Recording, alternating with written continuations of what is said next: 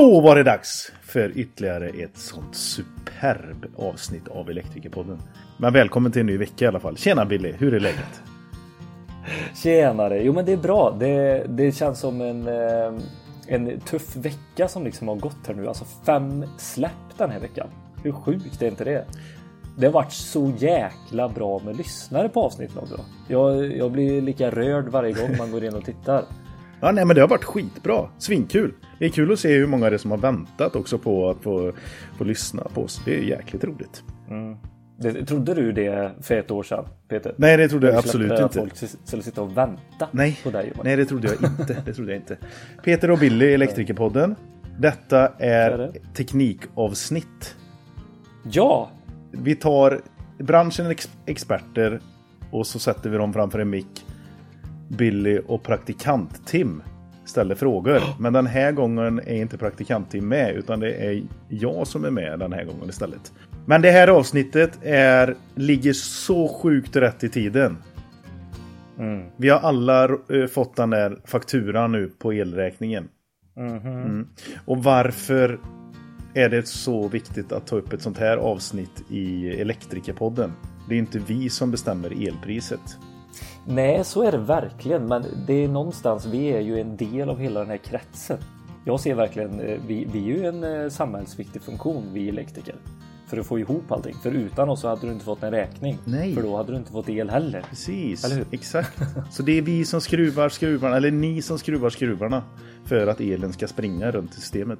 Men det säger också en hel del om hur pass viktig elen är och hur viktig den kommer vara framåt. Belastningen på elsystemet kommer fortsatt vara högt och bli ännu ja, högre. Ja, ja, det kommer ju dubblas. Minst. Räknar de ju med. Ja. Berätta lite om äh, gästen, avsnittet. Jo, men gästen är ju alltså Jan Blomgren, en riktig så här äh, vältalig herre som äh, man, man känner sig trygg i hans sällskap faktiskt. Och han är ju alltså professor i tillämpad kärnfysik. Det är ni pojkar och fläckor där ute. en sån eh, gubbe har vi pratat med. Yep. Och att vi förstod något av eh, det han sa, det är ju Ja, det är lite cred till oss. han hade en väldigt stark vilja av att eh, få oss till att förstå också. Ja, han hade tålamodet. Han har skrivit en bok som heter Allt du be behöver veta om Sveriges elförsörjning. Bara där kan man ju känna sig trygg när man vet att han har skrivit en sån bok. För jag vill ju veta allt. Så är det. Svinbra. Och det kommer ni också få göra. Exakt. Om man inte, mm. Kan man ingenting om, om energiförsörjningen i Sverige och hur elsystemet fungerar och sådär.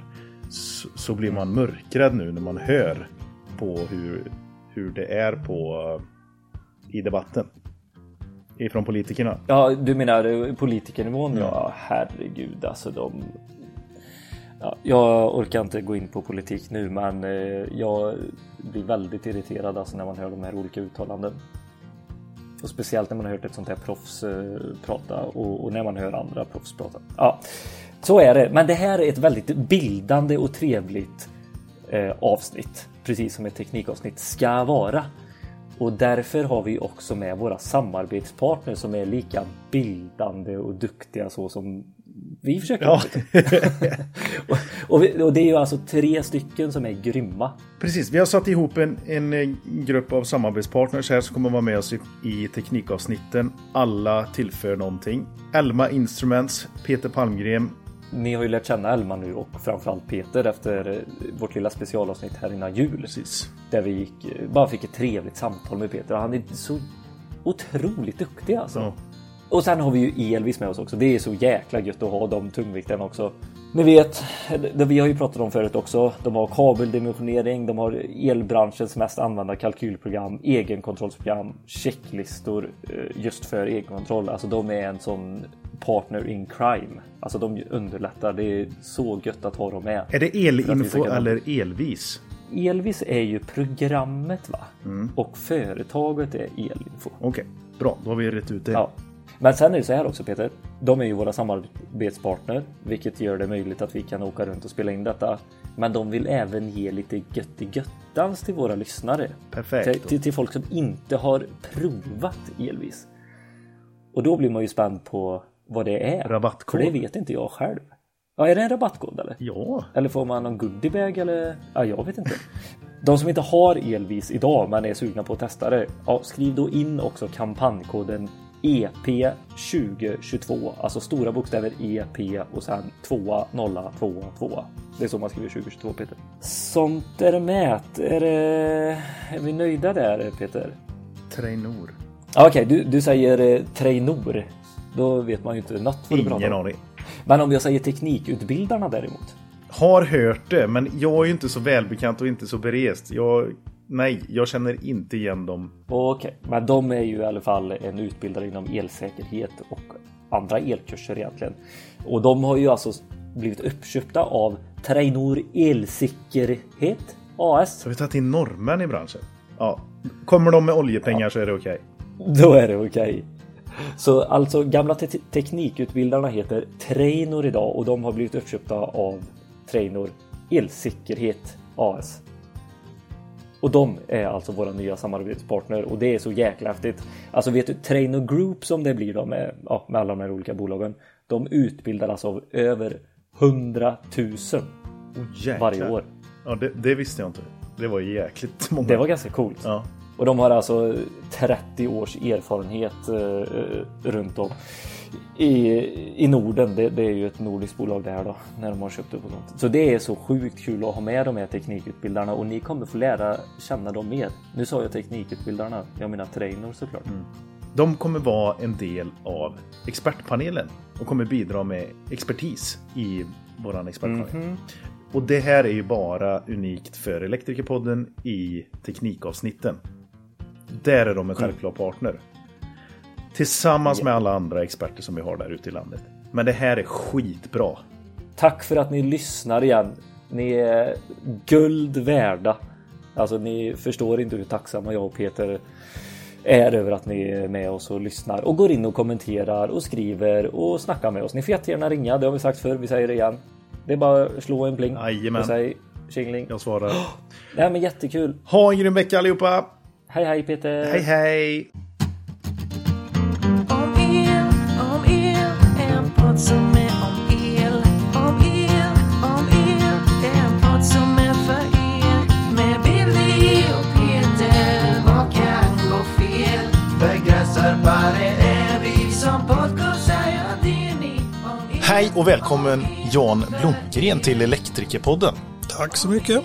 Du är inte vida känd kanske i elektrikersammanhang, men väl i elförsörjningen av Sverige. Skulle man kunna säga så? Eller världen. Världen till och med. Ja, någonstans däremellan. Det är definitivt sant att jag är inte särskilt känd i elektrikerkretsar i alla fall. Nej. Resten kan vi diskutera. ja. Nej, men det, det är ju så här att vi, vi har ju stora utmaningar i Sverige med elförsörjningen. Eh, och elinfrastruktur Eh, och hur vi ska försörja Sverige framåt. Det, det kopplas ju ändå till elektrikerna. Det gör det definitivt. Det kommer att finnas mycket för elektriker att göra mm. några år framåt och med några år betyder det ett halvt sekel eller så. ja. Och där börjar vi lite grann. Ja, verkligen. Kan du bara eh, snabbt bara berätta, vad är ditt, eh, varför sitter du här och du presenterar heter, dig själv? Ja, presentera dig själv, ja tack. Ja, det snabba är väl att eh, fram till för 12 år sedan var jag en nörd. Då var jag professor i kärnfysik på Uppsala universitet. Vid det laget fick Vattenfall för sig att de skulle bygga ny kärnkraft i Sverige. Då gick jag till Vattenfall och sa att ja, men ni behöver ju mig. Då tittade Vattenfall på mig och sa det har du banne mig rätt i. Så under en femårsperiod var jag någon slags chefstrateg för kärnkraftskompetens inom Vattenfallkoncernen när det gällde då eh, och på den tiden så var det mycket större, det var nästan dubbelt så stor kärnkraft inom koncernen som det är idag. Två verk i Tyskland och sju i Sverige. Idag är det fem i Sverige kvar. Det där Totalt? Var de har ja, som Vattenfall har. Ja. De, den, den sista stängs om två veckor i Tyskland ja. där de har en, bara en liten andel. Uh, det där var ett jätteroligt jobb 2009. Det var mitt jobb att stampa fram ett par tusen trevliga elektriker och backen och liknande så vi kunde bygga Ringhals 5 och 6. Mm. Några år senare var det inte lika roligt för då har de politiska vindarna vänt och jag insåg att jag hade två möjligheter i livet. Det ena var att sitta kvar i kontoret, eh, lyfta en helt okej lön och titta in i väggen och vänta på pensionen. Option nummer två, det var att bryta mig loss och bli konsult och åka jorden runt och sälja kunskap. Det, nummer två lät mycket roligare. Ja, Så att sen åtta år tillbaka så är jag egen företagare, även om jag då har rätt mycket folk i stallet så att säga. Så om någon av lyssnarna känner för att bli vd för ett kärnkraftverk och tycker att det skulle vara bra att veta hur man ser till att man inte får härdsmälta i anläggningen, ring mig så kommer jag utbilda er. Sånt gör jag nu. i organisationen då, om man får härdsmälta i organisationen. Ja, då kan man också komma. Det, det händer att, vi får, att jag och mina gubbar och gummor får sådana uppdrag också. Hur ska vi se till att organisationen är rätt riggad? Ja. Vi sitter här med en bok då framför oss. Som eh, du har gett ut just nu. Tillsammans med Timbro. Ja, det är på Timbros förlag. Timbros förlag och Timbro är Det är i princip eh, Svensk Näringslivs eh, tankesmedja. De, deras uppdrag är att kläcka bra idéer som har med marknadsliberala tankeströmningar att göra. Hur får vi mera marknad i Sverige? Sånt håller Timbro på med. Precis. Och boken heter heter då Allt du behöver veta om Sveriges elförsörjning. Alldeles riktigt. Och det är ju sjukt intressant för det, är ju, det klumpar ihop också lite saker. Det är alltså både elproduktion och hur elnätet är uppbyggt. Stämmer bra. Och hur man kan ha en balans däremellan. Mm. Det, har jag summerat eh, boken rätt då eller? Ja, alldeles utmärkt rätt. Och det är ju så att i Sverige har vi haft väldigt mycket politisk diskussion om hur man ska göra el. Och så har vi haft lite diskussion om hur man ska använda el och var i stort sett inte sagt ett ljud om hur man ska få det, det där att balansera. Hur ska man få elen från produktionen till användningen? Det har vi tagit för givet att det bara ska funka. Eh, Levt på gamla meriter. Oh ja, definitivt. Det, det var så bra byggt en gång i den grå forntiden så att man har kunnat misshandla systemet utan att det har märkts. Men sen är det så att ingen kan ju hela skalan utan min kunskap är ju i första hand då hur man gör elen och framförallt kärnkraft, det är min hemmaplan. Eh, Men då kör jag med principen att jag gör som man gör på frågesport i tv. Jag ringer till någon som kan. Så jag har eh, bekanta som jobbar inom de andra delarna. Jag har intervjuat dem och sammanställt kunskapen. Och det är grunden i boken. Ja, De, eh, vill du nämna några eller? Eh, ska jag nämna någon så är det väl Håkan Johansson. Han har varit guru på det som förut var ABB eh, inom smarta elnät. Så han satt i deras världs, världstänkarsmedja för smarta elnät under ett antal år innan han bröt sig loss. Ja, Håkan ska ni bjuda in hit. Ja. Det är en, han är dessutom väldigt rolig så att det tycker jag definitivt ni ska göra. I ett av våra tidigare avsnitt i våras hade vi med en ABB Senior Advisor på kraftsidan, Ola Wiklund. I, det blev faktiskt två avsnitt med honom. Mm. Just för att det är så intressant. Där han gick igenom liksom basen i produktionen, alltså hur man bygger upp en produktion mer eh, fysiskt sett. Och liksom, ja, vad hans erfarenhet när han åkt runt i världen och startat de här olika produktionerna och infasningar och vad som kan gå fel och han eh, var på en anläggning där det blev en fel infasning och det flög en jag vet inte hur många ton vägde han Peter, kommer du ihåg det? Eller tusentals ton. Ja, Bara ja, flytta sig to, två meter i sidled i princip. Ja, det, det är mycket krafter i stora elektriska maskiner. Men det är ju kaxigt så här i de här tiderna att gå ut och, och skriva en sån här bok. Fast det kanske ändå inte riktigt är det, för nu vill ju alla veta det du har skrivit om här. Ibland har man ju tur med tajmingen. En bra, en bra författare ska ha tur som bekant. Från början hade boken en annan titel. Men under resans gång så fick Timbros chefsekonom Jakob Lundberg för sig att skriva boken Allt du behöver veta om skatter. Eh, och han är inte buskablyg av sig. Och sen tyckte de på förlaget att det var en ganska bra titel. Så då ändrade de titeln på min bok till Allt du behöver veta om Sveriges elförsörjning. Och nu kommer det fler böcker med samma start och in, inom andra ämnen. Så jag vad skulle den heta egentligen? Vad ville du att den skulle heta? Ja, från början skulle den heta Alla förlorade. Än kaxigare. Ja, det tyckte jag var kul. Hur vi dömer ut Sveriges elsystem. Ungefär så ja. Ja. Eh, faktum var att när corona kom så blev jag av med en massa jobb. Jag hade en massa utlandsjobb bokade som bara försvann. Och då insåg jag att jag måste göra något annat. Och då gick jag till Timbro och sa att det finns de som har skrivit historiken hur vi byggde upp det svenska elsystemet. Men ingen har skrivit historien hur vi har ägnat 40 års politik till att paja alltihop. Det var en himla rolig idé sa Timbro, sätt igång och skriv. Sen kom den här ut då i juni i år. Och sen tre månader senare fick vi första prischocken i Europa och sen har det bara blivit värre och värre. Och det har väl åtminstone varit bra för försäljningen av boken och det kan vi konstatera. För den är slutsåld. Den är slutsåld men en ny upplaga är på gång och lite lätt utvidgad också. Innan vi går in på boken här bara. Varför ska man som elektriker lyssna på det här avsnittet? Om man bara bryr sig om att blå sladd ska kopplas ihop med blå och gulgrön med gulgrön, då kan man strunta i att läsa den där boken.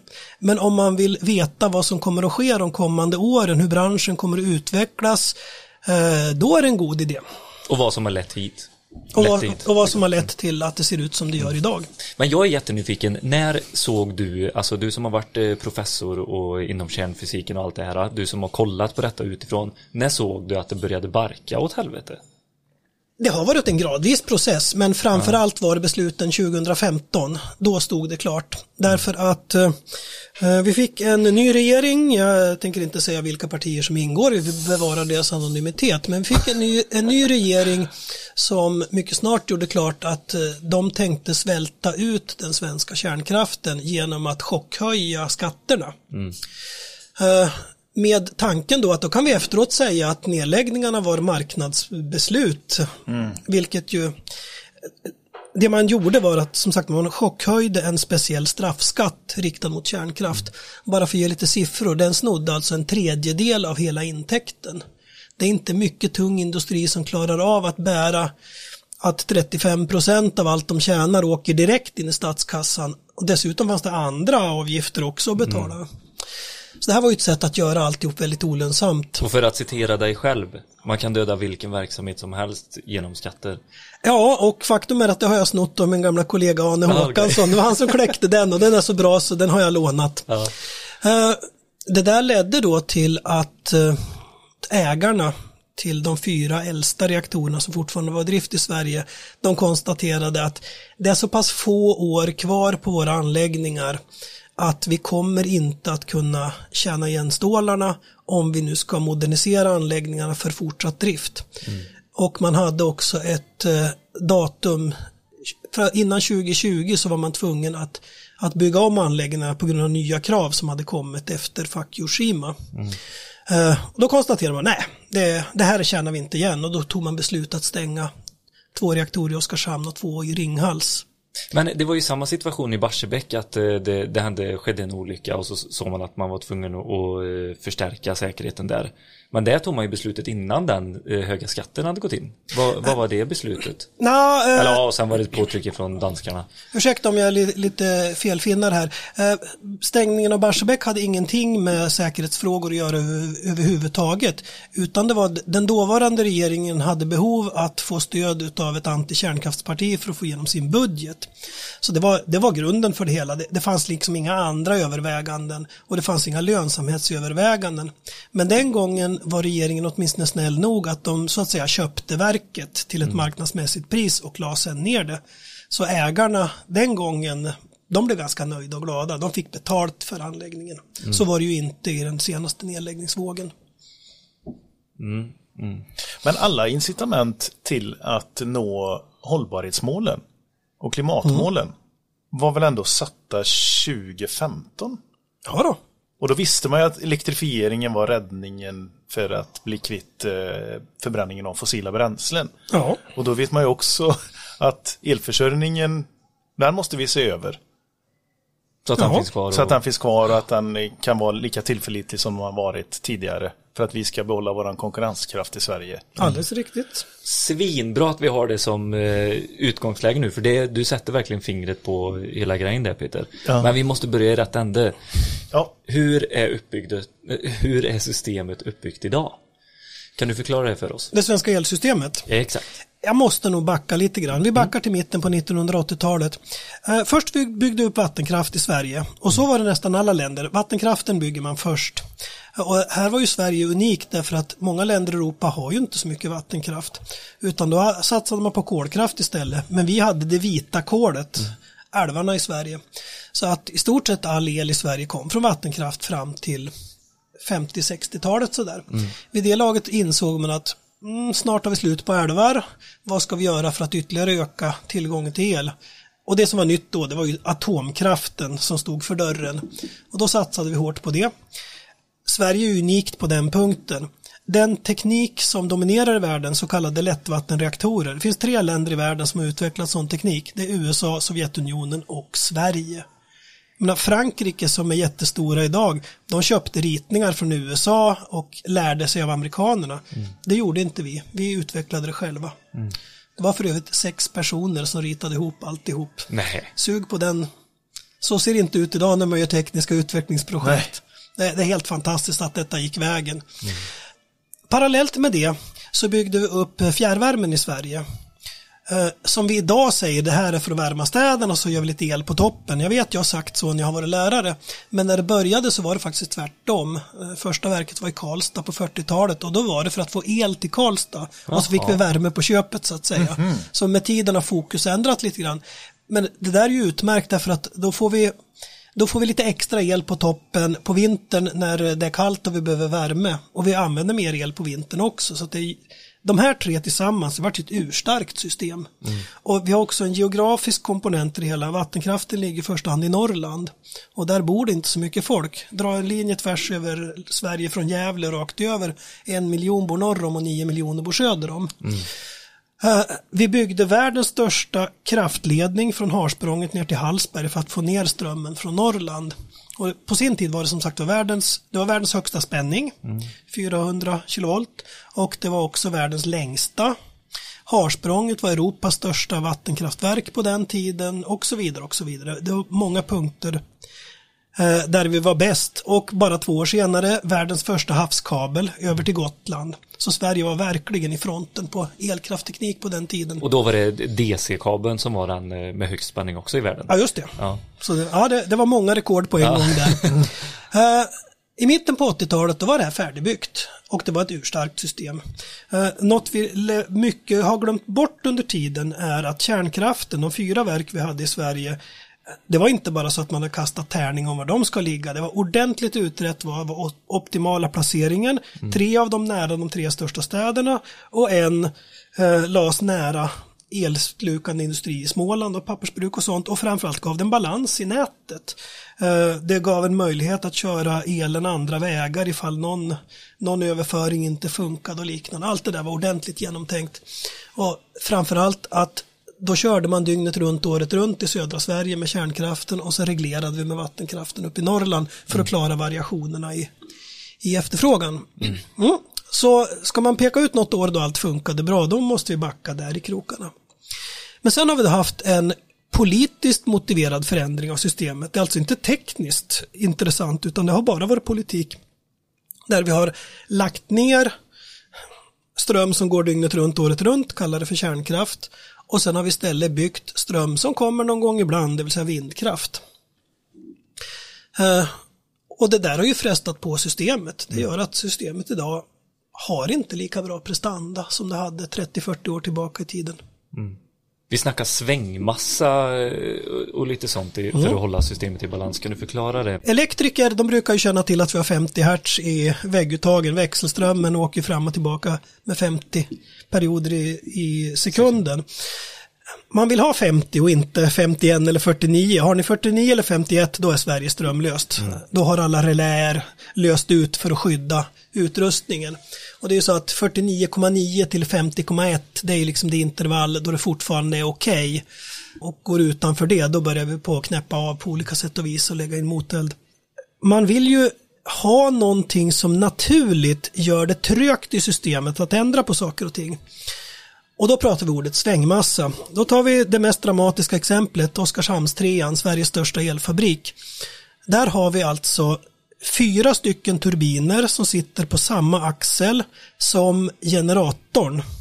Och alltihop kör alltså med en hastighet av, jag kommer inte ihåg om det är 50 varv i sekunden eller om det är 25, jag kommer inte ihåg om det är en eller två polig generator. Eh, Men i alla fall, och hela det här strängen är 70 meter lång, axeln en halv meter i diameter, alltihop i stål. Eh, Det är ofantligt stor vikt, jag har inte siffrorna på mig just nu. Det är Men sån det- energi, alltså Ja, det- energimassa som bara... Alltså tur turbinbladens ytterkanter är alltså över ljudhastigheten. Det är så fort det här snurrar. Det är alltså en enorm upplagrad energi när den här står och snurrar. Och sen är den trögt kopplad till elnätet. Det betyder att om nu ett vindkraftverk får för sig någonstans att nu ska, jag- nu ska jag snurra lite fortare för att börja blåsa mer. Då måste det vindkraftverket släpa med sig hela O3 och då orkar inte det. Så att det här att man har väldigt mycket roterande vikt det gör att övriga elnätet får svårt att avvika från de där 50 svängningarna i sekunden. Det bara sugs in i samma svängning liksom. Ja, de, säga. de, de, är- alltihop sitter ihop. Eh, Och det gör att då måste de andra då verkligen jobba hårt här för att rubba balansen i systemet. Men man gynnade ju ändå vindkraften då eh, Ja. ganska hårt. Gynnar. Ja, fortfarande. Oh ja.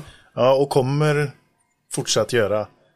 Ja, som systemet Nej, ser inte ut om du nu frågar så... Jan. Nej, Då är det stopp men eh, jag, jag säger eh, man. Eh. Svenska eh, regeringen. Regering. Re- Regelverket och lagar och politiken gynnar ju mera vindkraft och motverkar mera stabil produktion. Då. Så är det ju. Ja, precis. Och då har vi de här, det ska ju vara ett stort eh, vindkraftverk ute i Östersjön nu som har varit lite rubriker om. Ja, det var mycket snack om ett utanför Sandhamn och Ja, det var det precis. snack om Hanöbukten också. Där sa ju militären nej. Ja. Och vad är det, de säger nej på grund av eh, säkerhetsskäl? Eh, jag, jag vet inte precis varför och de berättar inte allt. Nej. Men, men har du massvis med, med vindkraftverk ute till havs, det är ganska bra att gömma ubåtar i det. Och det gör det ganska svårt att flyga JAS-plan över och liknande också, så att det, det finns militära skäl. Precis, jag tänker på konsekvenserna som kan bli, eh, får det hela systemet i Sandhamn eh, att krokna liksom, eh, att gå ner i kapacitet eller påverkar det mer över hela Sveriges Ja, men du har ju eh, ett bra exempel, eh, Kalifornien. Ja, Kalifornien är ett bra exempel. Eh, Men för att svara på din fråga lite snabbt här. Va? Eh, Militären, deras sak är ju inte att hålla svenska elnätet på exakt 50 hertz. Så det, även om de naturligtvis är oroade även de. Va? Utan de gör ju militära bedömningar. Det här är någonting som skadar vår förmåga att försvara territoriet. Det är det Ja. som är deras grund Ja. för det hela så att säga. Hur, hur, huruvida vindkraftverken håller frekvensen eller inte, det är inte deras grej i första hand. Nej. Även om de nu har rekryterat en person som begriper sånt. Jo, faktum är att äh, äh, militären i Sverige är oroade över att elnätet är i ett sånt skick att det går att använda för att bedriva utpressning mot Sverige. I första hand inte krig, men, men att störa det svenska elnätet, att orsaka större blackouter och liknande kan man ju misstänka att en och annan president i ett land inte så långt härifrån österut faktiskt skulle vilja göra. Och detta har också skett. Det gjorde man i Ukraina när det dök upp gröna, grönklädda män utan gradbeteckningar på Krim här för några år sedan. I samma veva så, gick man, så var det någon som tog över kontrollen över Ukrainas elnät. Och det där kan ni hitta på YouTube, det finns filmer från det. Ja, men det här skedde väl också i Iran för inte så länge sedan va? Ja, fast där, där var det USA som satte full press på Irans anläggningar för att tillverka kärnkraftsbränsle. För USA är rädd att de använder samma anläggning till att göra atombombsmaterial i. Mm. Så de, de gick in och hackade systemet och fick grejerna att snurra så fort så de gick sönder. Nej, men alltså, det, ja. Ja, men, ja, och det fattar man ju. Någonting som eh, står väldigt öppet och fritt också ute till havs eh, är, blir en säkerhetsrisk då. Eh, ja, precis, exakt. Tillbaka till frågan Ja, här nu. vi går tillbaka. Ja, Påminn mig, vad var frågan? Om, det påverkar Sandhamn här nu med de här vind... Ja, jag försöker konkretisera det här. Hur, eh, Ja, alltså problematiken är inte för Sandhamn i sig utan eh, problematiken är följande. Vi har alltså ganska mycket väderberoende kraft idag i Sverige. Ström som vi får ibland eh, och som inte hjälper elnätet. Därför att de, de här stödtjänsterna av typen svängmassa och liknande, där hjälper inte vindkraften till överhuvudtaget. Mm. Och eh, det är inte varje, en, varje kraftverk som är problemet, det är den stora mängden. Hade man nöjt sig med säg 10% eller någonting sånt där av totala mixen, då skulle vi inte ha de problem vi har. Problemen får man när det blir för stor andel som inte går att kontrollera. Och det leder oss till det som egentligen var frågan här, Kalifornien. I Kalifornien har man sagt att nu ska vi bli koldioxidfria, halleluja. Och det man har gjort då är att man har byggt eh, vind och sol mera sol än vind faktiskt. Men tillsammans är de ungefär 25 procent av totala elmixen. Men då ska det ändå sägas att 50 procent av elmixen är gaskraft som då är fullt reglerbar. Okej.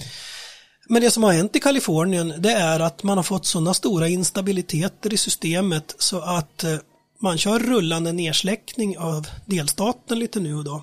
Och det här är ju Kalifornien är stort som Sverige till ytan men har fyra gånger så stor befolkning, de har 40 miljoner. Så att områden stora som ett svenskt län ungefär släcker man ner strömmen i en kvart eller så. Och sen flyttar man det till nästa motsvarande län och så försöker man få upp det som tidigare var nersläckt. Och ja, det händer ju inte varje dag och är långt därifrån, men, men det är inte helt sällsynt och det dyker ganska ofta upp på radio varningar om att snälla ni stänga av luftkonditioneringen annars blir det roterande nersläckning bara så att ni vet. Så man har hamnat i situationen där att man, man klarar inte av att hålla stabiliteten i elnätet. Och det är det som är frågan här nu för, för Sverige då som eh, väljer att satsa på det här, den här typen av produktion att kan vi hamna där också om, det, om vi fortsätter och trycker på vindkraft och vill slopa kärnkraft liksom. Ja. Kort Det är- det är den enkla- ja, det vi, enkla svaret. vi, vi tar en stor risk att hamna där. Eh, I fallet Kalifornien, där har man nu blivit så desperata så nu har delstatsregeringen beslutat att lösa problemet i form av att bygga ny gaskraft. Så man ska bygga fem nya gaskraftverk. Det vill säga man ökar sin användning av fossil energi därför att man har blandat i så mycket väderberoende kraft att man klarar inte av att hålla det stabilt och då vill man snabbt ta sig ur det hela. Det tar för lång tid då att bygga ny vattenkraft eller kärnkraft som är de fossilfria alternativen. Alltså bygger man mera gaskraft. Men skulle man, eh, skulle man i princip kunna bygga eh, gaskraft eh, och sen eh, göra om det till kärnkraft? Är det liksom samma, eh, vad ska man säga, förstår du vad jag menar? Att det bara, ja men en quick fix här nu, gaskraft, men vi planerar det för att sen slussa över i kärnkraft.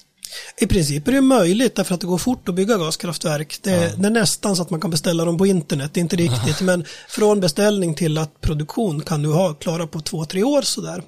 Eh, Så vill du ha en snabb lösning, ja så kan du göra.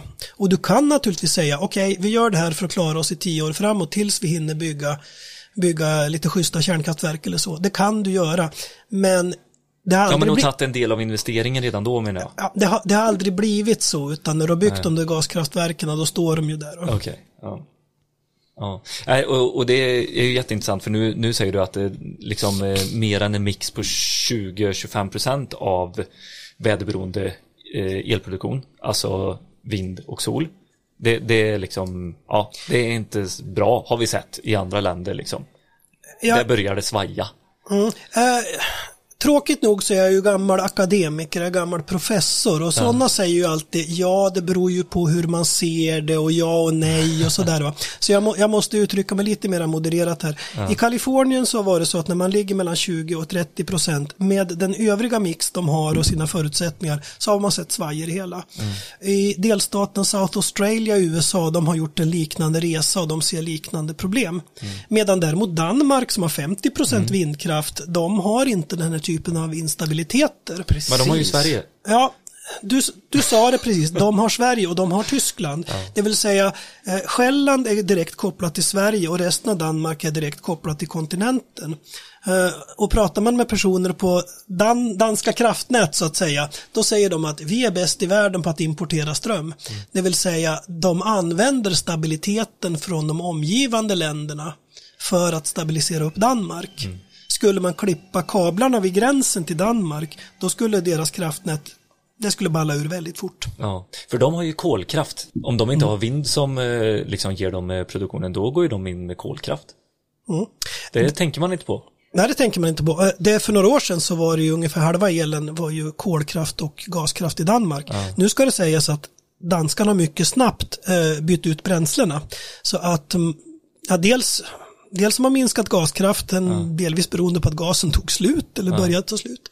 Och man har i ganska stor utsträckning bytt ut kol mot biobränslen. Man eldar sopor och sånt i Skog och... och liknande. Va? Mm. Men då ska man också ha klart för sig att Danmark är ju så pass litet och Danmark använder så pass lite el. En stor skillnad mellan Danmark och Sverige är att Danmark saknar i stort sett tung industri. Det finns inte många stålverk och pappersbruk i, i Danmark utan då, det är ju ett land som mera jordbruk, handel, sjöfart och liknande. Så att användningen av el per capita är mycket lägre i Danmark än i Sverige. Där hade de tur då. ja, men det, det är ju faktiskt intressant för att se det här eh, eh produktionen och se att det är liksom hur, hur man ska motsvara. Antingen så får man ju ligga på en bra plats där man kan eh, använda sig av eh, vattenkraft. Eller så ska man inte använda el. Alltså begränsad eh, del av el. Eller kärnkraft. Det, det är de tre vi har eller? De tre alternativen för ett eh, stabilt nät. Ja, om du vill vara fossilfri. Om man vill vara, ja ursäkta, det Ja. sa jag inte. Mm. Och det är väl det vi strävar mot? Ja, visst. Men 2045 ska fordonsflottan vara, eller 2030. Nu blir jag osäker. Eh, du har anledning att vara osäker därför att datumet har ändrats. Men Ja. se, senaste datumet så är det att 2030 Ja, Så är det, så ska fordon, fordonstrafiken vara fossilfri. Vadå 100 procent? Det, det, det, av det nyproducerade och så ja. Det kan ju inte vara, för annars är det typ eh, ja vi, kan ju 60%. inte, vi kan inte lämna in alla bilar som är med förbränningsmotorer i. Jag kan bara konstatera att på sen, de senaste veckorna så har det flugit många siffror i luften. Så att eh, det, här, det här handlar ju om, om mål. Det är ju inte så att det är beslutat att så att säga, utan det här är målsättningar. Och det är ju väldigt mycket lättare att ställa upp ett mål än att uppfylla det. Ja. Men okej, då tycker jag vi har en bra koll på vad vi har för produktion i Sverige och vad vi kanske ska sträva mot att inte gå till. Eller vad känner du Peter, när du har hört Nej, man får ju så mycket frågor på detta för att man som lekman eller som vanlig människa så, så läser man nyheterna och så blir man, eh, eh, får man massa rubriker om eh, hur saker och ting inte funkar och politiska beslut som är för och emot och det här är bättre och det är sämre och sådär. Och så eh, berättar nu, du nu hur det funkar. Och vi har ju fått en bra bild av detta genom eh, podden och gäster vi har haft här och sådär. Men det här känns ju inte bra. det känns ju faktiskt inte speciellt bra. Vi ligger ju långt, långt efter om, om vi eh, alltså inte ska... Vi, vi lägger ju ner kärnkraften. Vi drar ju ner på kärnkraften. Och vi kan inte säkerställa det med annan typ av elförsörjning eller eh, energiförsörjning eh, på något håll, eller? Har jag fattat det fel? Det motsvarande eh, baskraft eh, finns ju inte och planerbar. Det alternativet har Det, vi inte. nej, precis. Det, det trygga, planerbara. Eh, är herrarna bekanta med grepp, begreppet reaktiv effekt? Jajamän. Bra. Ja, skulle Ja. jag vilja säga. Och det Ja. kanske inte alla våra lyssnare är, så att jag står för lyssnarna som inte vet det. Då, då, ta, då tar jag den enkla förklaringen. Det här är inte en perfekt förklaring men en liknelse. Eh, när man håller på med växelström så kommer ju inte alltid spänning och eh, ström exakt i fas i tiden. Och den, den lilla förskjutning i tiden kallar vi då för reaktiv effekt. Ibland beskriver man det som bara att någonting är i vägen och i viss mån det, det, det ibland förhindrar hur mycket ström du kan skicka fram men har goda sidor också. Eh, min vän Håkan han brukar säga att ska du förklara det här för farmor säg då att aktiv effekt är det som får hjulen att snurra och reaktiv effekt det är trycket i elledningarna. Tänk dig att du ska pumpa vatten vad behövs då? Ja, för det första måste du ha vatten och pumpa, det är aktiv effekt. Men du måste också ha tryck i slangen. Spelar ingen roll om du hela Östersjön till ditt förfogande, om du inte har tryck i slangen så flyttar sig ju inte vattnet. Va? Så den reaktiva effekten står för i någon mening trycket i systemet. Men då är det så att eh, hur skapar man då lagom mycket? Man, man vill inte ha mycket som helst, man vill ha lagom mycket. Så det där vill man kunna reglera. Och hur gör man det då? Ja, vi, vi satsade i Sverige på följande. Du vill ha en så stor generator som möjligt. Få ställen du skapar det. Det är mycket enklare än om du ska ha tusen olika ställen att styra. Och det fördyrar generatorn. Så några få stora, det blir bra. Och därför har vi det, de stora generatorerna i vattenkraften och i kärnkraftverken. De, där är generatorerna alltid byggda så att de kan att vi kan kontrollera hur mycket reaktiv effekt vi vill skapa. Däremot små, små vattenkraftverk och vindkraftverk, de har inte kravet på sig att ha sån generator. Av flera skäl. För det första skulle det bli väldigt dyrt. För det andra är de ganska små. Så det kräver väldigt mycket kontrollutrustning. Och för det tredje, de går ju inte jämt. Så man kan inte lita på att de finns där när man behöver dem. Utan vi siktar då på dem, det som går dygnet runt, året runt. Stora maffiga grejer. Men det här gör att när vi nu har lagt ner halva kärnkraftsflottan i Sverige, nu har vi tappat möjlighet att kontrollera den reaktiva effekten. Och det där ser vi nu, att den där jättestora ledningen från Norrland och ner till Mellansverige för att få ner vattenkraften, den har tappat åtminstone 10 procent av sin överföringsförmåga. Vi har, vi har tappat överföringen av kärnkraftverk emot, motsvarande från Norrland till Mellansverige nu.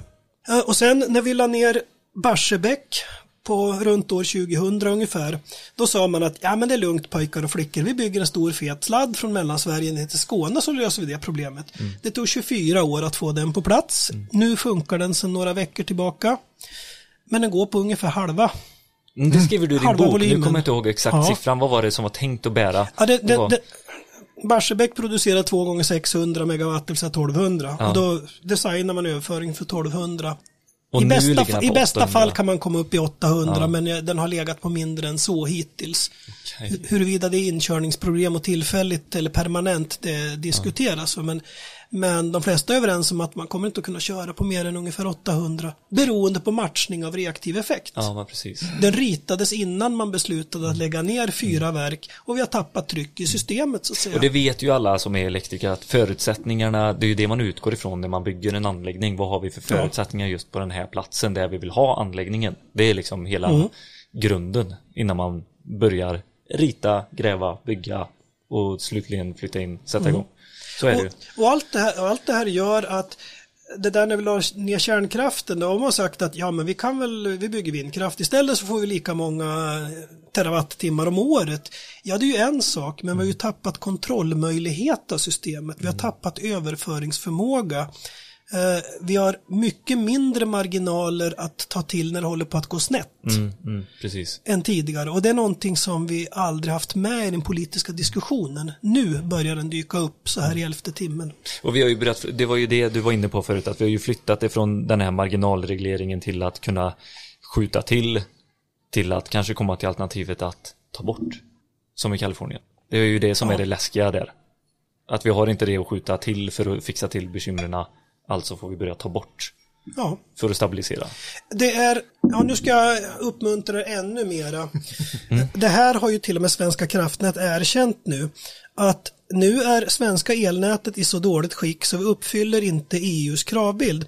Vi är ihopkopplade med resten av Europa. Elektriskt sett ska Europa vara ett enda land så att säga. Och, och man ska inte sitta och tjuvhålla på sin egen ström utan vi ska köra handel över gränserna. Alla ska hjälpa varandra. Och då ingår det att man i stamnätet ska ha 70% av full kapacitet den ska alltid finnas tillgänglig för marknaden. Vem som helst ska få vara med och köra sin ström. Det lyckas vi inte med idag i Sverige. Vi ligger under det. Och det i sin tur, det beror på att nu är nätet så svagt så att om vi upprätthåller 70% kapacitet för norrmän och finnar och köra ström genom Sverige ner till Tyskland och liknande, då kan vi inte klara av att få fram ström till alla delar av Sverige. Då måste vi släcka ner delar av Sverige. Så Svenska kraftnät, de har faktiskt sagt offentligt nu att vi har att välja på att följa lagar och förordningar från EU eller, ah, och då släcker vi ner Sverige. Eller så bryter vi mot reglerna för att rädda landet. Och de har sagt att vi kommer att bryta mot reglerna, vi, vi sätter Sverige främst.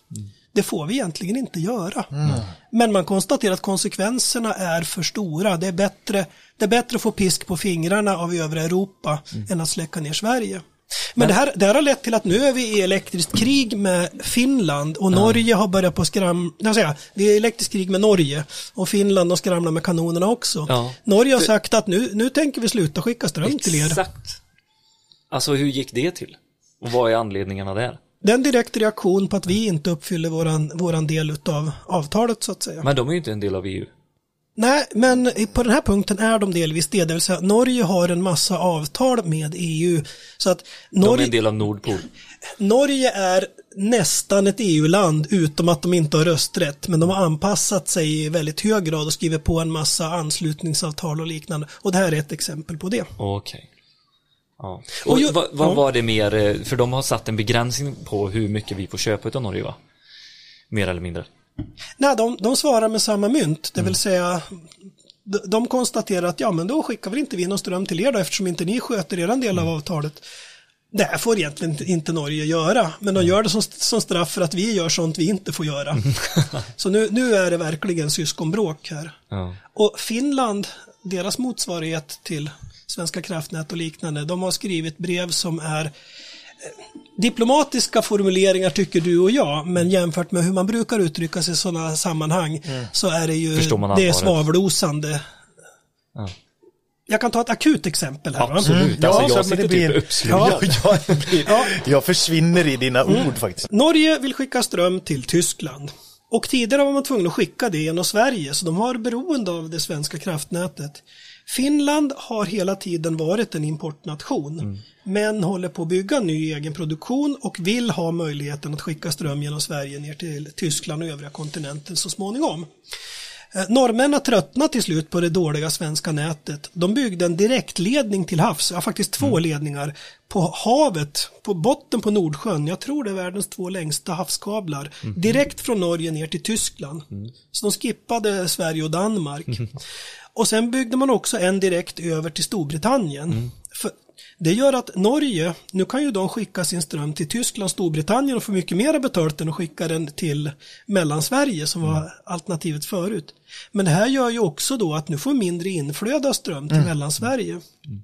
När, vi, när vi sen la ner, la ner Bars, eh, Ringhals 1 och 2, de var så att säga tryckpunkter i systemet som gjorde att vi orkade hålla emot elektriskt, men de är borta nu. Och det här stökar till det ytterligare. Det gör att strömmen går andra vägar än vi har tänkt oss. När sen finnarna får igång sin världens största reaktor i Olkiluoto norr om Åbo, då vill de skicka det kabeln mellan Sverige och Finland och sen köra det tvärs över Sverige för att få bort det till Storbritannien, för de har högsta elpriserna. Där vill de sälja. Men det svenska kraftnätet är väldigt svagt öst-västlig riktning. Och det, det, här, det här blir lite grann som för en älg att korsa en motorväg. Va? Strömmen som kommer från norr och ska söderut och så kommer det då ström som går på tvären. Det här kommer att stöka till det oerhört i vår möjlighet att få ström från Norrland ner till Skåne.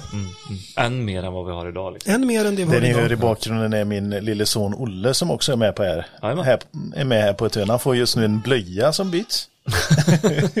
Samt kommenterar svensk energipolitik. Ja, precis, det är det. Precis, han bara skriker. Ehm, För att koppla an till våra elektriker här så, så är det ju de som kommer vara ute och skruva nya transformatorer och byta kablarna i backen och sådär.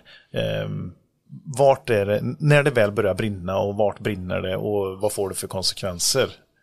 Ehm, Varför, varför går det sönder?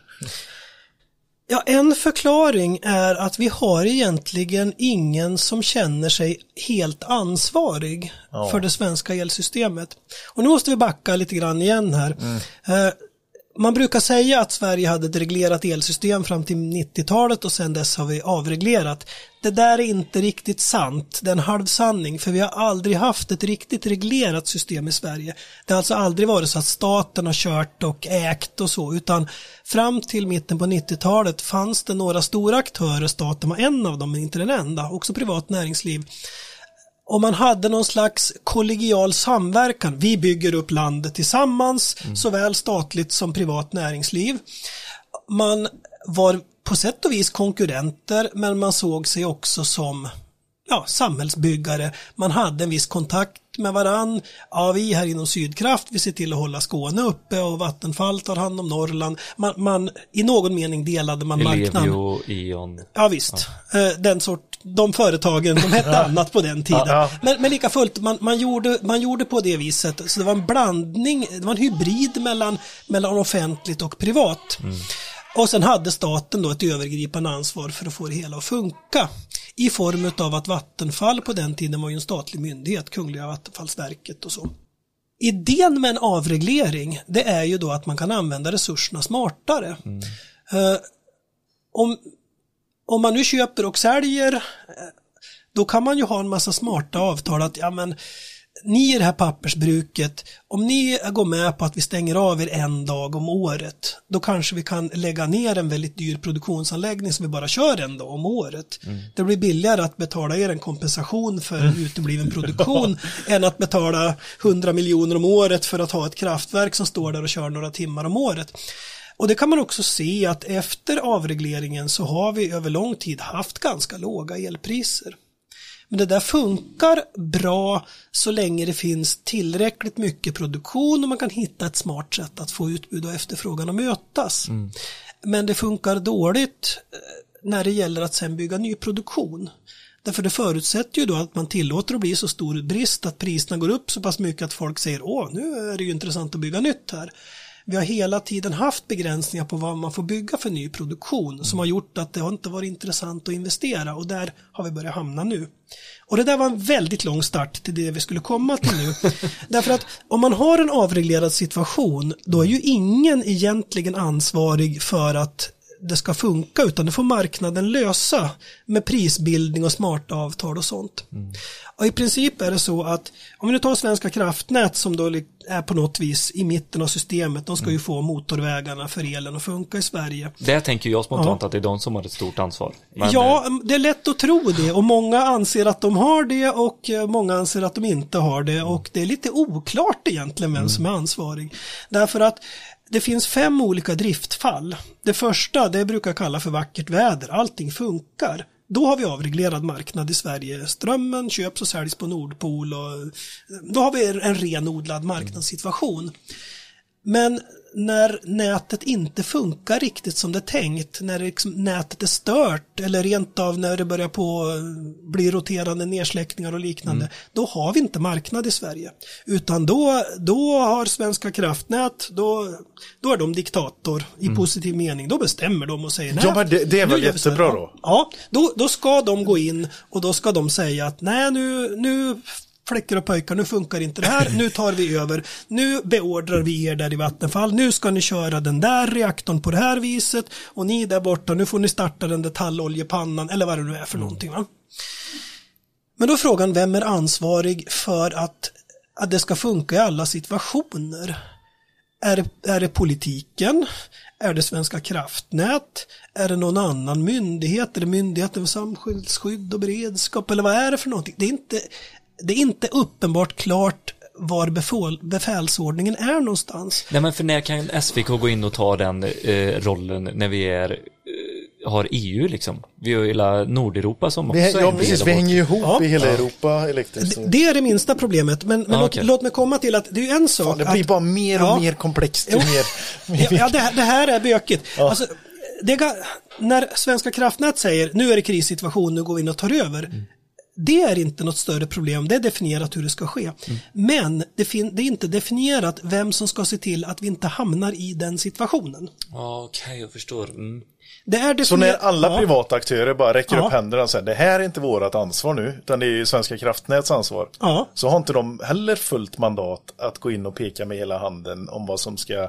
Jo, när det går åt helvete så har de det. Ja. Men, inte proaktivt, Exakt. utan då är det upp till de privata aktörerna, Ja. Vattenfall, Ellevio och E.ON. Och... För, för att använda ditt eh, språkbruk här nu då alltså. Eh, det är deras uppgift att gå in och ta över när det håller på att gå åt helvete. Men det är oklart om det är deras uppgift att se till att vi aldrig hamnar i situationen att det håller på att gå åt helvete.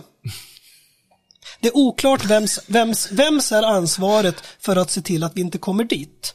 Vem ska se till att det byggs ny produktion som ger oss svängmassa och reaktiv effekt och dönätsstarter och alltihop sånt där så att vi inte kommer i en situation då vi riskerar roterande blackout. Det är inte klart i Sverige. När, när ska vi... Va?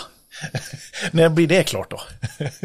så vi kan börja, så att elektrikern kan börja sätta laddstolpar för glatta liv, laddpunkter för Nej, men glatta vi livet. gör ju det, Peter. Vi jo, vi, jag vet ju det. glatta Men det kommer ju till slut komma till en break, alltså till, till en gräns. Mm. Där vi måste, där kommunen sätter ner foten. Eh, Northvolt hade ju jättegärna velat ligga i Västerås, det vet jag att du, har- du sa ju det. I, det var fler städer man Ja, ja precis, men absolut. Men att eh, bara den eh, filosofin om att ligga där utvecklingen Mm. sker. Och då säger då kommunen och de som är ansvariga för e-försörjningen har ju annat de ansvarar för också Ja. än en stor ny arbetsplatsproduktion. Mm. Ja, och då kan vi då inte tillföra det vi, vi vill tillräckligt med el där då. Mm. Eh, Ja, nu tappar jag bort Det- mig. Men att... Eh, Men det är ett samspel mellan eh, Vi kommer ju nå dit i alla kommuner. och lokalnät. Alltså någonstans, det är liksom en kedja som står här eh, för allting. Eh, Så det går liksom inte, det går inte så heller säga att en är ansvarig för att eh, typ Västerås kommun, de har ju fått tillgång till x antal liksom megawatt som de får nyttja. Och då har ju de det att förhålla sig till. Och, då har, och de som har gett dem godkänt, de har ju något annat att förhålla sig till. Alltså det är ju en kedja av allting. Har jag fel där Jan? Eller? Nej, det stämmer. Ja, och, och då blir det ju liksom så här att det, det blir lite katten på råttan och allt det här. För om, om, eh, om det är någon som bestämmer och bara, ja men då får ni den, eh, det utrymmet för att bygga en fabrik. Då måste det tas någon annanstans så som systemet är just nu. För att vi har inte den eh, kapaciteten i systemet att utöka hela tiden. Utan Ja. vi måste liksom portionera ut det för att hålla balans mellan konsumtion och produktion. mm, men då har vi ju det här nu. Vi ska elektrifiera fordonsflottan. Och det landar på elektrikerna direkt. Att ut Ja. och, och installera laddstolpar, solceller och eh, håll koll på vindkraften som den ser ut just nu. Och så ska ni då, eh, infrastrukturen in i städerna och i städerna ska fungera. Fastigheter ska ha ny energiteknik och sådär. Och då bara, nu belastar vi ju genom marknaden efterfrågar det. Eller vi, bara grön teknik och gröna bidrag och allt vad det är liksom. Och så fortsätter vi till t- 2030. Och så har vi inte gjort någonting för att utöka vi, eh, vad, händer då liksom? Vad händer?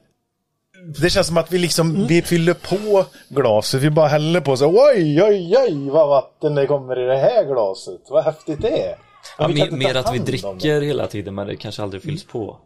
Ja, typ så då kanske. Eh, Ja, vi har ju en, en inneboende... jag menar det här ja. är grön el och grön teknik. Och efterfrågan är skyhög. Om man ska källsortera och man ska vara grön, grön, grön. Och så bara oj vad bra det är!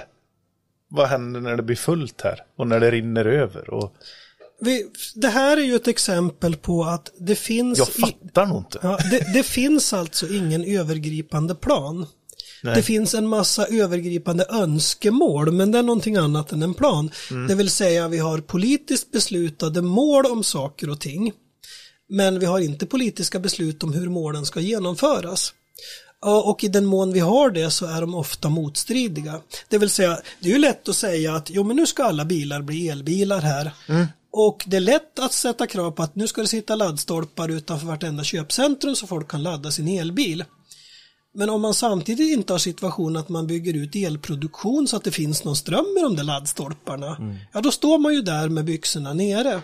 Och det är där, den situationen vi har, därför att då, då har våra makthavare sagt att nu ska det bara byggas en massa vindkraft här.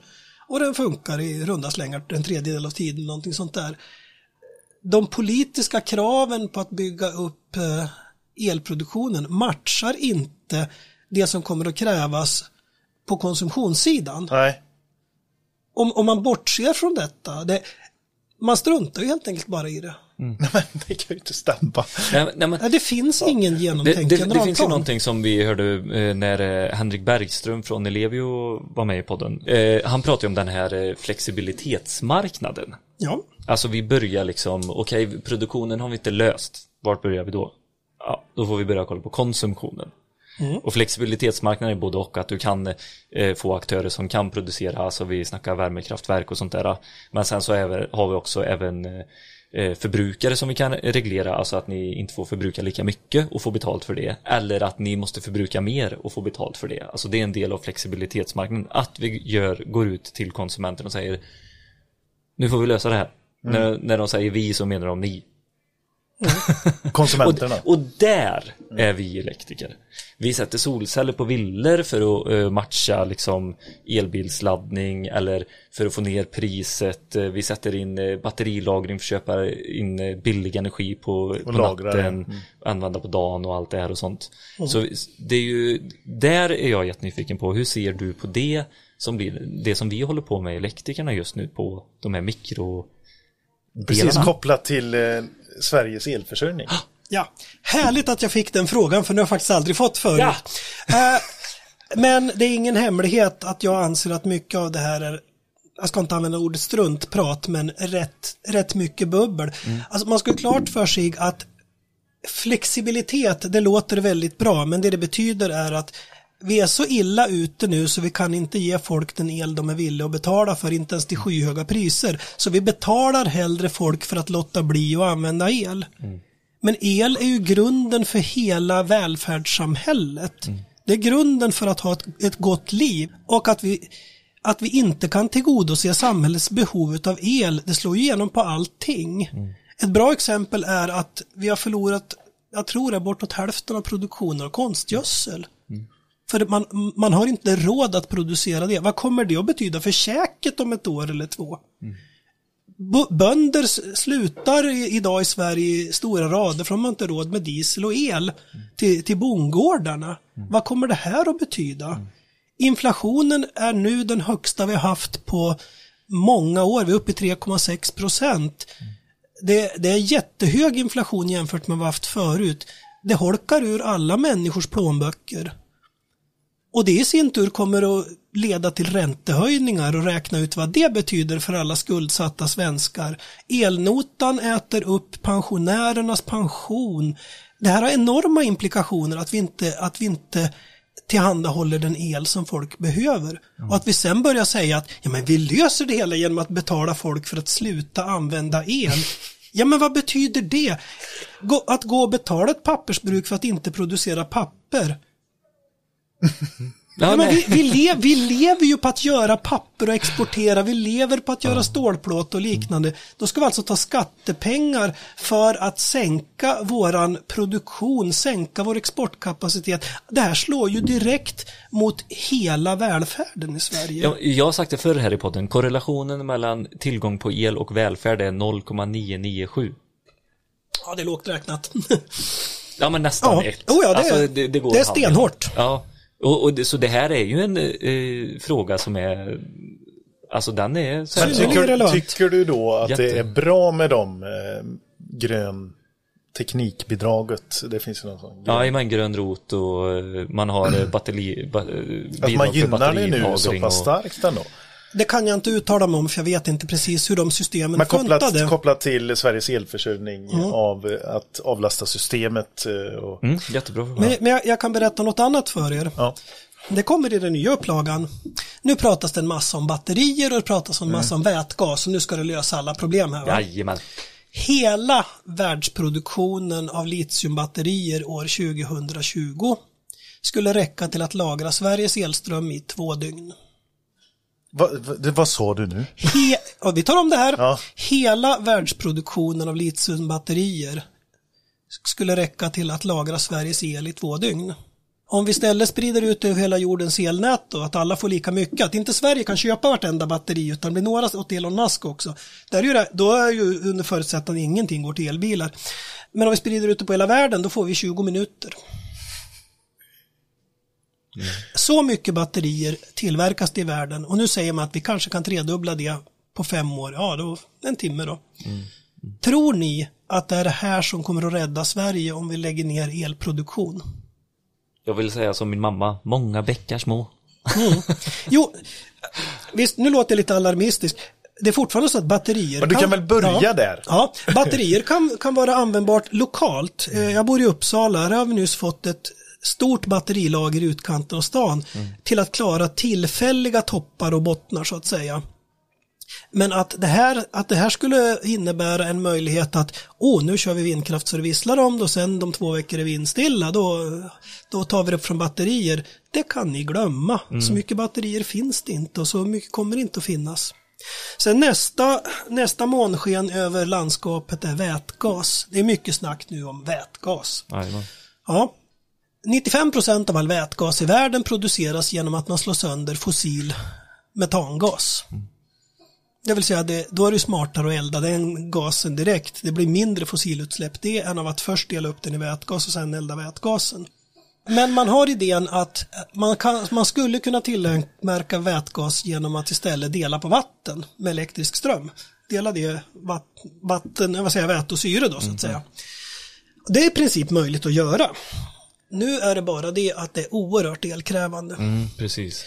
Och ska vi nu göra det med någonting som inte då är fossil källa, då är det vindkraft, vattenkraft och kärnkraft som finns. Och om man sen tar den gasen och eldar den i en gasturbin för att göra el, då har ni förstört två tredjedelar av elen. Det går alltså tre delar el in i systemet för att få en del ut ur den där gasturbinen på slutet. Och då har vi inte räknat på några förluster, vi har inte räknat på någonting, eh, vilka problem det är att lagra det hela eller någonting sånt, utan bara på maximal effektivitet i systemet. Ja, det låter ju kass. Tror ni att vi kommer att rädda världen genom att förstöra två tredjedelar av energin på vägen? Det känns inte bra. Ja, den ekvationen är ju total kass. Men jag vill ändå återkomma till det som är en del av elektrikernas vardag. Just det, med solceller, batterilagring och även batteri, alltså vehicle to grid. Det du, när du har köpt en elbil, en Tesla, 100 kWh. Det, alltså, pr- eh, 30% av konsumtionen ligger ju på eh, bostadsmarknaden och då är det ju alltså bostadsel och även uppvärmning, eluppvärmning. Det är ju, det, det är ju 30% av konsumtionen. Så vi har ju ändå en 30% del att jobba med ganska mycket och 30% om vi, nu säger jag inte att vi kan ta bort 30% men vi måste ju eh, kunna nyttja den bättre genom att producera sol där konsumtionen är och Ja. batterier vid topplasttimmar och att vi kan hålla ner att det inte blir lika mycket att vi att vi kan kö- köra våran bubbelpool eh, eh, utan att höja Vi pratar om att avlasta systemet. Mm. Det är det jag vill Ja. komma fram till. Alltså Och vi har ändå inte- en del där att jobba med, alltså över en femtedel av eh, konsumtionen. Hur ser du på det? Det är ju så att det finns ju alltid möjligheter att göra saker och ting effektivare. Men på alla punkter där det går att tjäna pengar på att göra det effektivare, då är det ju redan gjort. Jag menar, det, är ju, det är ju ganska få företag här i världen som medvetet gör av med mer pengar än nödvändigt, så kommer någon på att den här processen kan vi effektivisera och köra med min, 10% mindre el. Och då tjänar vi mera pengar än vad det kostar att göra den här förändringen. Aha, då gör man det. Så att det här, det här talet om att... Så hade det funnits hade det redan varit implementerat? Är det det du menar? det, det, fin, det finns alltid saker och ting som någon inte har tänkt på eller inte gjort. Så är det ju alltid va. Men att tro att man kan göra radikala förändringar av förbrukningen genom smarta besparingar som lönar sig. eh, De smarta besparingar som lönar sig, de är oftast redan gjorda.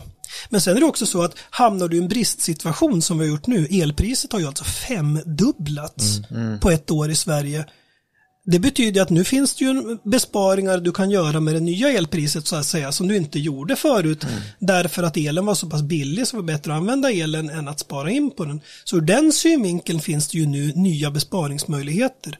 Men de är ju från en bristsituation. Det är ju bara för att elen har blivit så fruktansvärt dyr. Ska man se det som positivt eller negativt? Nej, ja, man- det, där Man kan man inte ju se olika det som uppfattning. eh, pos positivt eh, på, på den meningen, men det, nu är det fakta då. Och Då har vi ju det att utgå ifrån. Vi har ett nytt normalläge, det pratade vi om förut här när vi käkade. Och det nya no normalläget är ju det vi får utgå ifrån här nu. Och då är ju de delarna ganska bra.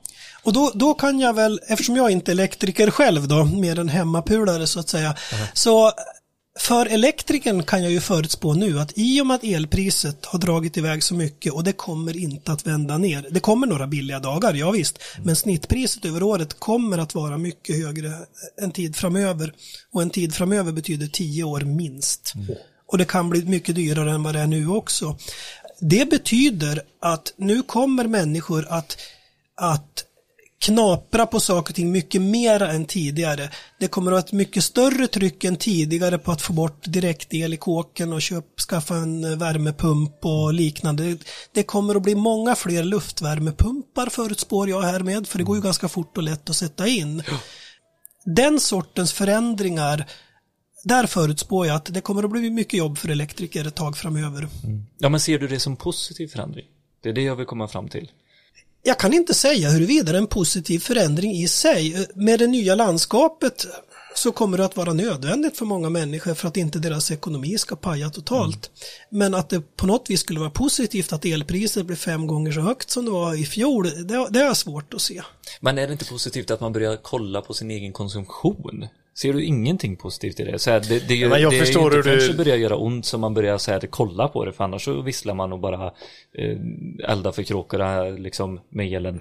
Ja men så, så har det inte varit. Jag kan ta mig Har själv. Jag kan ta mig själv. Jag, är- jag, hu- jag är husägare. Ja. Jag har ett gammalt hus som en gång i tiden hade en oljepanna. Mm. Tidigare ägare innan, innan undertecknad konstaterat att nej, jag byter över till värmepump istället. Och sen har den pajat under min tid och jag köpte ny och så. Jag har funderat igenom hur stor ska den vara och ska tilläggsisolera lite grann.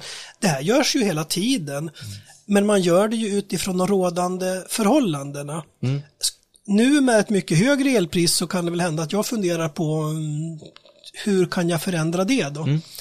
Så att den processen finns ju där hela tiden.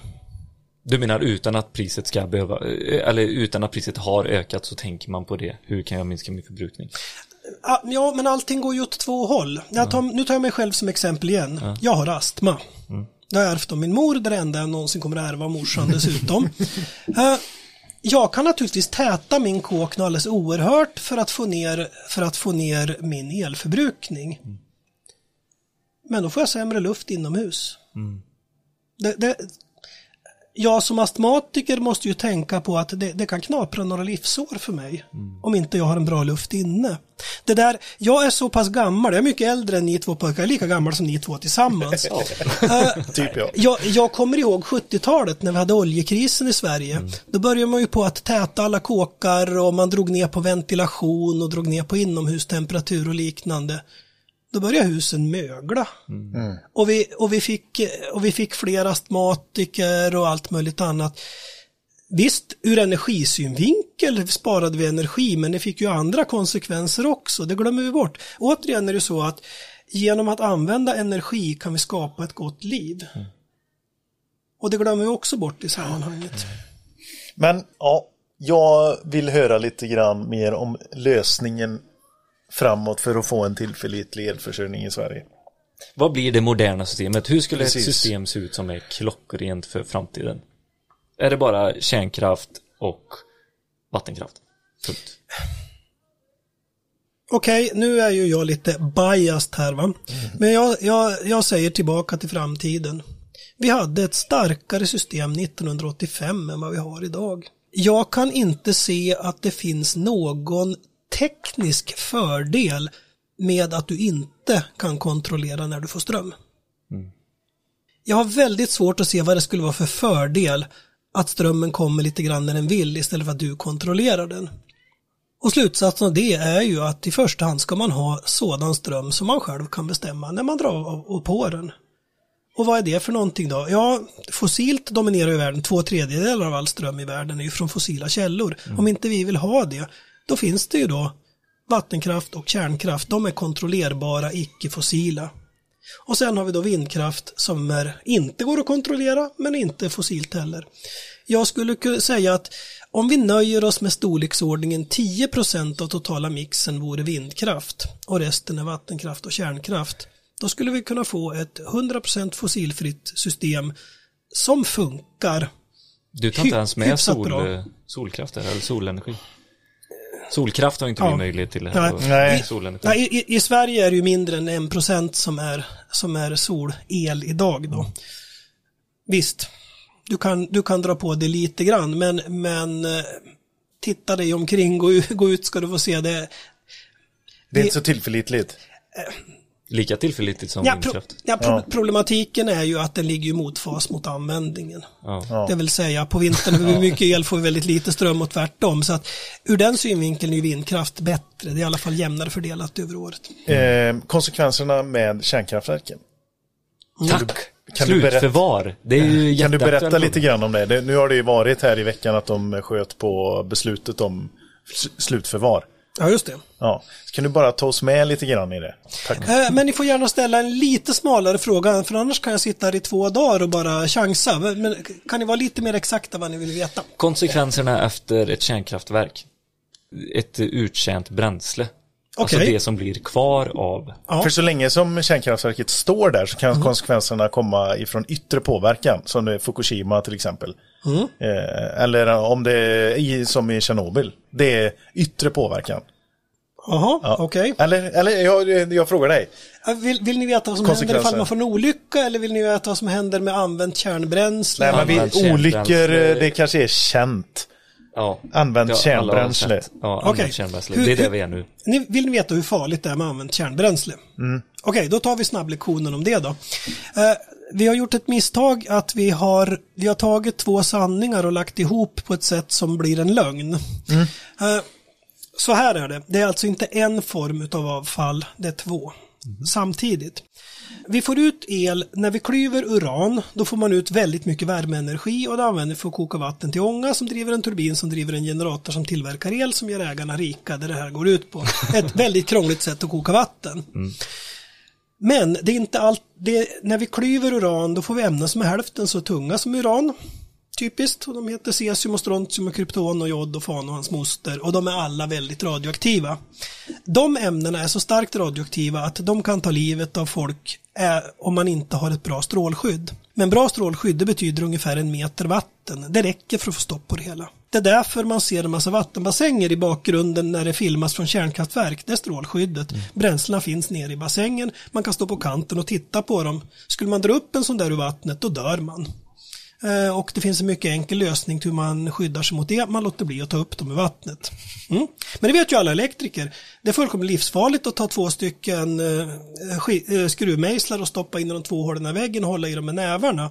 Och lösningen på det är att man, man gör inte det. Det var det ena. Men sen finns det en process till också och det är att uran ibland fångar in neutroner, en av byggstenarna i atomkärnan, utan att klyvas. Och då skapas det tyngre grundämnen som inte finns i naturen men som finns i använt kärnbränsle. Av dem är plutonium i särklass vanligast. Till en början, plutonium hjälper till därför att det går också att klyva. Så att ungefär en tredjedel till en fjärdedel utav den totala energin man får ut ur ett kärnkraftsbränsle är faktiskt klyvning av plutonium. Jaha. Ja då, då.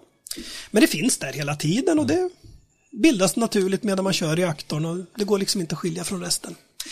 Nu är det bara det att eh, plutonium, de här ämnena som är tyngre än uran, de är också radioaktiva, men de är inte alls lika starkt radioaktiva. Och de är radioaktiva på ett annat sätt. De strålar så kallad alfastrålning. Eh, alfastrålning har väldigt kort räckvidd, de kommer 5 cm i luft. Eller om man tar två ark papper så stoppar man det bara. Det är alltså jättelätt att stoppa alfastrålning. Så den kommer knappt ut ens ur de här ämnena. Men alfastrålning är farligt om man får in det i kroppen. Så ett, ett bra tips här nu om ni vill leva länge är ät inte plutonium. Drick inte plutonium, andas inte in plutoniumdamm. Nu, nu är ni skyddade, nu slipper ni det problemet. Men plutonium finns kvar väldigt länge. De här ämnena som bildas efter klyvning som är ohyggligt radioaktiva och som kan tränga in i kroppen på dig om, om du inte har ett bra skydd. Av de som bildas i stor mängd så är cesium och strontium det som lever längst. Hälften är kvar efter 30 år. Hälften av hälften är kvar efter 30 plus 30 år. Hälften av hälften av hälften är kvar efter 30 plus 30 plus 30 år och så vidare. Efter 300 år en tusendel kvar. Och då är det inte mer radioaktivt än att du kan hantera det med kemisalsutrustning, handskar, munskydd, glasögon ungefär, va? om du har måttliga mängder. Så det, på några sekel så är det inte värre än ungefär vilket avfall som helst från en vanlig industri. Okej. Men de här andra ämnena, eh, plutonium, där halveras det på 24 000 år. Det tar ganska lång tid att sitta och vänta på att det här ska vara borta. Men å andra sidan så måste du få in det i kroppen för att det ska vara farligt. Så att så länge du är säker på att du inte får in det i kroppen, då är det harmlöst. Det är det här som är grunden till att vi ska köra ner alltihop 500 net- meter ner i backen. Det har inte med strålskydd att göra, det har direkt med 5 meter för det. Okej. Med, med, med marginal alltså. Utan det är, då har man suttit och räknat och sagt att vi ska se till att plutonium inte kommer ut i naturen och kommer det ut så ska det ta så himla lång tid för det att nå upp till ytan där det finns människor och djur och växter och sånt där att det har hunnit klinga av. Och det är därför det är 100 000 år. Yes, därför att ta, då konstaterar man att lägger vi det på 500 meters djup i urberget, grundvattnet rör sig så långsamt så det tar 100 000 år att komma upp till backen. Och vid det laget så är det här hanterbart, då är det inget Men jätteproblem. man, om hundratusen år. Vä- Vänta här nu, vi ska få ihop det här eh, ekvationen här nu. Vi fyller på då om vartannat hela tiden med eh, kärnkraftsavfallsbränsle. Använt bränsle. Använt bränsle, tack. Vi fyller på och fyller på och fyller på. Det är ju, nu är vi snart uppe i en miljon år. Om vi sätter ner i backen idag så har vi 100 000 år framåt. Och nu, vi behöver ju, mellan, mellanförvaringen är ju full nu. Och det är ju alltså 40 års eh, egentligen eh, Ja. bränsle som vi be, behöver göra oss av med nu till ett slutförvar. Ja. Så om 40 år igen så kommer vi stå inför samma 100 000 års Okej, så det är scenario. 40 års mellanrum där mellan. Ja, ja, Nu- ja, du får förklara. Nu, nu får jag nog hjälpa lite grann pojkar. ja, gör det. Jättegärna. Eh, Den totala mängden. eh, Vi börjar i andra änden. Om vi ska göra all el för Peter här nu och Billy, eh, hela eran livstid, det får plats i en vanlig kaffekopp. Det är så mycket bränsle det handlar om. Men vi har ju blivit Ja. dubbelt så många på jordens yta. Ja visst, så då är det dubbelt så många kaffekoppar. Det, det här är alltså inga stora mängder vi pratar om. Om vi, om vi skulle ta allt kärnkraftsavfall vi någonsin har producerat i Ja, Sverige precis. Ja, eh, och gjuta ihop det till en stor klump. Det ska man inte eh, av vissa andra skäl. Inget vi rekommenderar för hemmapulare där hemma. Kriticitet och sånt där. Men, men om vi bara, bara för att titta på volymerna. Ja. Eh, det blir ungefär mitt hus som jag bor i. Va? Det är så intressant. Jag har fått den här frågan och jag har inte Mm. hittat svaret. Men hur någonstans stort är ditt hus? Eh, 370 kvadratmeter. Ja, det var fan inte Ja. litet. Nej, bo, Ja, bot, okej. bottenytan är 260 Så det är kvadratmeter. allt det vi har tillverkat hittills i Sverige? Det är allt vi har använt någonsin i Sveriges historia. Vi har gjort nästan halva elen under Det, det har från 70-talets, eh, från 80 till, ja det är nästan halvsekel då. 50 år ungefär. Ja. Ja, och då är det 50 procent av den totala elförsörjningen. Där i krokarna. Mm. Och, och det ger alltså en klump som är stor som en rejäl villa. Ja, och det är tillförlitligt. Man vet vad man får Ja. i, i form av el, energi. Ja, och Och vi, man, och man vet var man har avfallet, det vill säga det är inget vi har släppt ut i naturen. Vi, vi förvarar det här i, i två stora simbassänger nere i Oskarshamn. Men nu vid slutförvaret, då får jag den här känslan av eh, de här reklamfilmerna som gick förr när man eh, var ute och seglade och man skulle knyta fast en sten och bara skicka ner i, i vattnet. I vattnet, Så löser du problemet på eh, segelbåten. Lite den känslan får jag liksom, nej men det är bara att gräva ner här nu 500 meter i 100 000 år så är det klart. Mm. Så blir, det blir någon annans men problem. sen. förespråkar Men du vi- det? Vi måste höra här nu. Eh, Vad, låter, är, det, är det här rimligt sätt att förvara, slutförvara ett avfall genom att gräva ner och glömma? Ja, Du tycker det? Ja. Jo, eh, det är återigen, personer som jag, de ger ju hela tiden svar av typen vi måste jämföra med annat och liknande.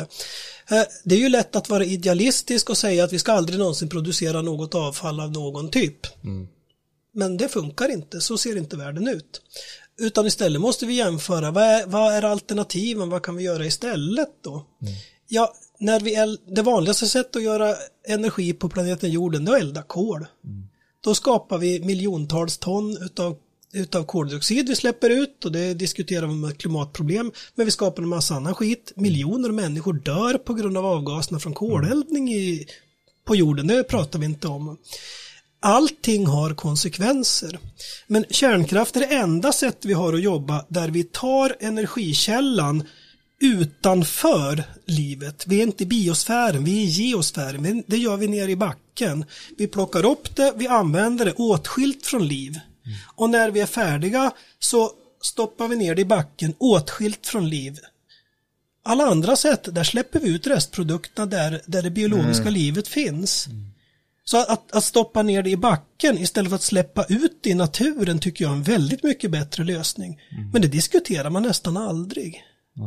Utan man diskuterar i termer av att släpper man ut i naturen så är det väldigt friskt och bra. Nej, det är inte alls. Men jag har ju trott någonstans att den nya eh, generationen av kärnkraft skulle kunna använda sig av uttjänt bränsle. Mm. Det är ju dit jag vill komma. Och har man då Oh grävt ner det och fyllt det med cement som eh, på fem- 500 meters djup och så kommer vi på det inom 100 000 år.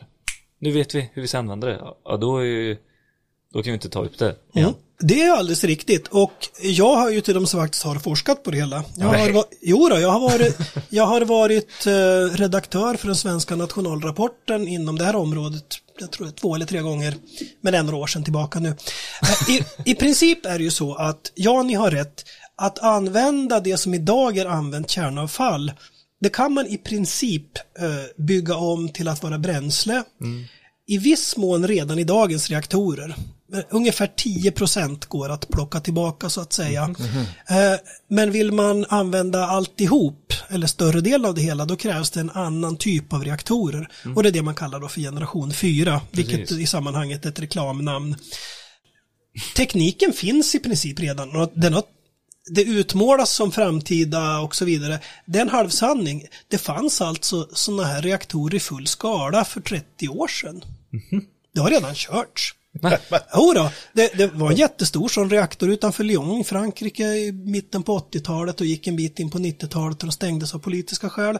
Ryssland har kört sådana här reaktorer i 40 år i sträck och de har funkat alldeles utmärkt.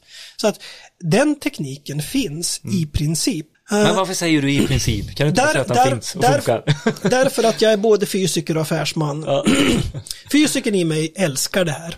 Eh, Affärsmannen i mig är lite mer skeptisk därför att ska du tjäna pengar på det hela, det är ofantligt mycket billigare att gå och plocka upp nytt uran ur marken och använda det i dagens typ av kärnkraftverk än att ta det ohyggligt radioaktiva avfallet från dagens kärnkraft och tillverka nytt bränsle av det och bygga andra typer av reaktorer.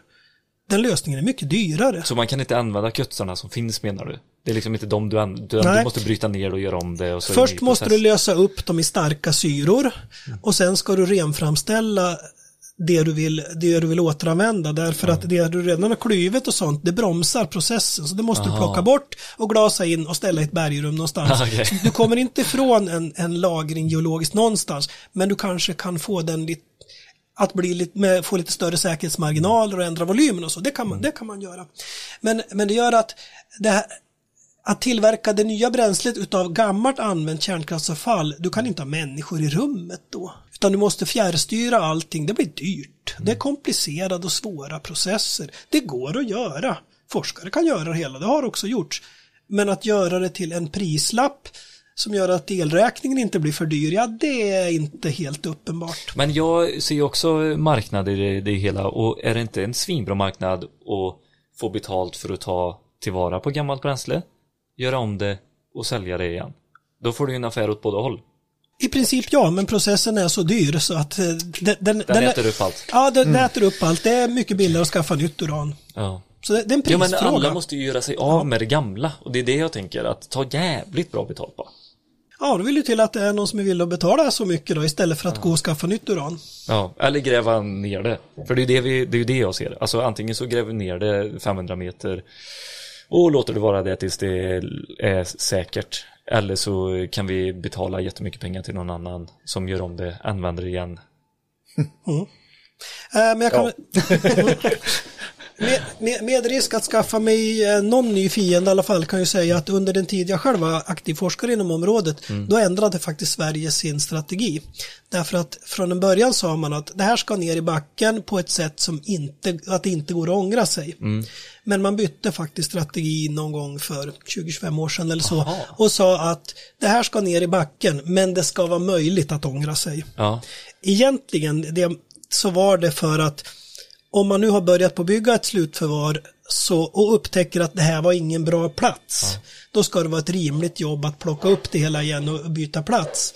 Men man kan också tänka sig att i och med att man gjorde den här strategiändringen, då är det också så att om den tekniska utvecklingen löser några gordiska knutar så det helt plötsligt blir väldigt billigt att göra det hela, ja då ska det inte vara ogörligt att plocka upp de där gamla kopparkapslarna och sen plocka ur och, och använda det här som råvara för nytt bränsle. Jaha, så det har, det har Club eh, tagit med i sin beräkning här alltså? Det finns med i beräkningen. Okej. För det ser ut som man bara bygger upp anläggningen, gjuter igen det, tar bort hela anläggningen och så är det bara skog över det igen. Det är ju så fina bilder det är på. Ja visst, men, men då ska vi klart för det att nu pratar vi sekelperspektiv. Ja. Det vill säga anläggning för slutförvaret finns ju inte. Nu har regeringen suttit på nävarna i snart tio år här och inte gett tillstånd till att bygga den, även om Finland redan har tillstånd och redan har börjat bygga den.